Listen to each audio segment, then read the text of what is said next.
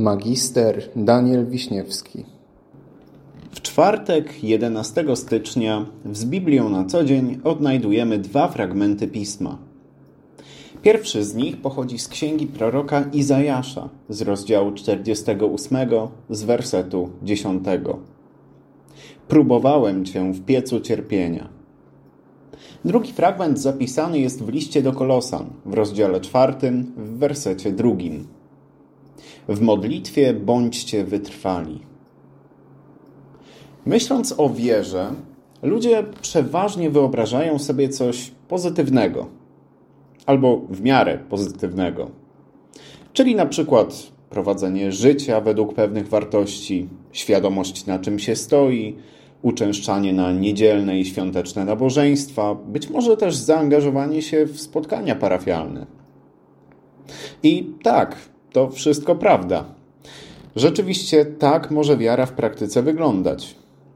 Jednak wiara nie istnieje w naszym życiu tylko dla tych rzeczy. Bóg nie włożył nam jej też w serce tylko po to, by się nią cieszyć, jak dzieje się akurat w życiu dobrze. Istnieje też drugie dno, kompletnie inne od tych przyjemnych obrazów. I dzisiejsze fragmenty biblijne skłaniają nas do zastanowienia się nad tym drugim dnem, a konkretniej nad tematem różnych wyzwań oraz prób, które regularnie pojawiają się w naszym życiu. Jakim wsparciem w takich chwilach może być dla nas wiara? Dlatego nad tym tematem dzisiaj się pochylimy. I może zacznę od historii, którą usłyszałem kilka lat temu w jednym z kościołów. Pewna kobieta, żyjąca na przedmieściach jednego z francuskich miast, miała małego ptaszka. Nie jestem pewien, co to był za gatunek, ale był on niewielkich rozmiarów. Ptaszek mieścił się w dłoni i przepięknie śpiewał. Każdego dnia rozświetlał życie tej kobiety swoim śpiewem. I nadszedł czas świąt. Dom trzeba było przygotować na przyjazd gości. Kobieta złapała więc za odkurzacz i zaczęła czyścić całe mieszkanie, by sprawić na nich jak najlepsze wrażenie. Wyczyściła przedpokój, wyczyściła kuchnię, sypialnię i wkrótce nastała kolej na salon, w którym to znajdowała się klatka z małym ptaszkiem. Właścicielka zwierzęcia wpadła na pomysł, że przy okazji, jak już tutaj odkurza, to fajnie by było mu też wyczyścić klatkę.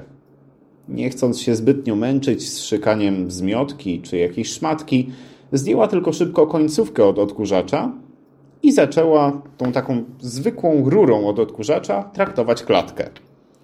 Zabrudzenia wciągały się błyskawicznie. Dobry pomysł.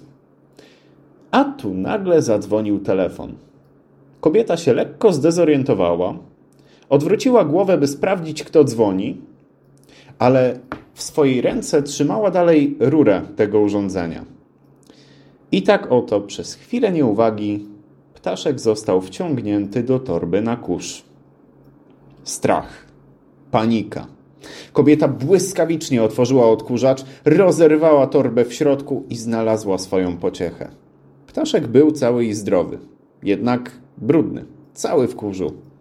Więc nie myśląc wiele, kobieta wzięła go na ręce i włożyła go pod kran, żeby go umyć z zanieczyszczeń. A potem, ponieważ zwierzątko trochę się trząsło, no i było całe mokre przede wszystkim, potraktowała je suszarką do włosów. No i tyle. Niby po problemie. Niby tylko tyle.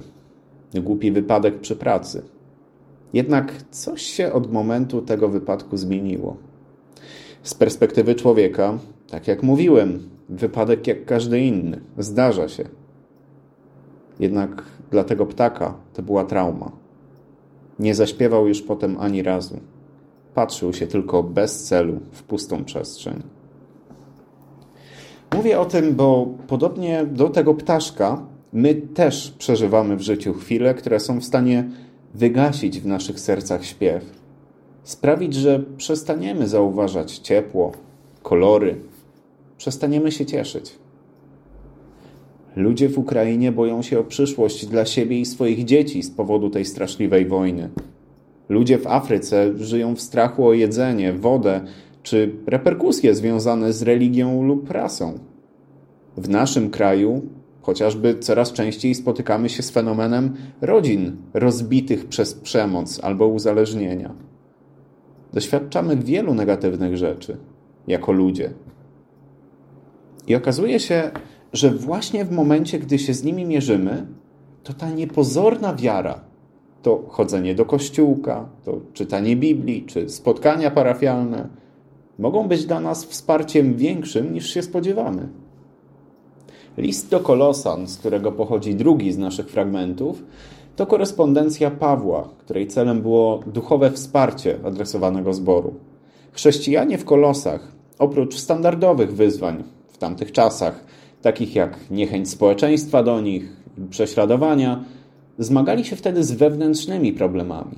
Pojawili się wśród nich fałszywi nauczyciele, którzy przekonywali ich, że Jezus nie jest w istocie Bogiem. Była to więc walka zarówno na zewnątrz, jak i od środka.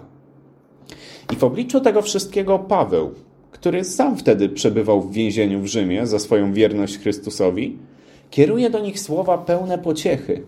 Udowadnia im, że Chrystus jest Bogiem, jest szalenie istotny dla wiary, ale wspomina im też w tym wszystkim o modlitwie, która ma im dodać stabilności. Czytamy: W modlitwie bądźcie wytrwali i czujni z dziękczynieniem. A módlcie się zarazem i za nas, aby Bóg otworzył nam drzwi dla słowa w celu głoszenia tajemnicy Chrystusowej, z powodu której też jestem więźniem. Praktykowanie wiary, polegającej na zaufaniu Bogu, bez względu na panujące okoliczności, ma dodawać im otuchy i zmieniać podejście do całego życia. Ma odwracać ich wzrok od rozpaczy nad tym, co negatywne, a zamiast tego kierować ich ku dziękczynieniu za to, co pozytywne. Ma wskazywać im, że warto mieć nadzieję na lepsze jutro. Taki właśnie wpływ na życie człowieka ma wiara. Pozwólmy więc się tej wierze prowadzić i nawiązując do wcześniejszej historii z tym małym ptaszkiem, dajmy tej wierze przywrócić nasz śpiew, gdy zostanie zgnieciony przez życie. Amen.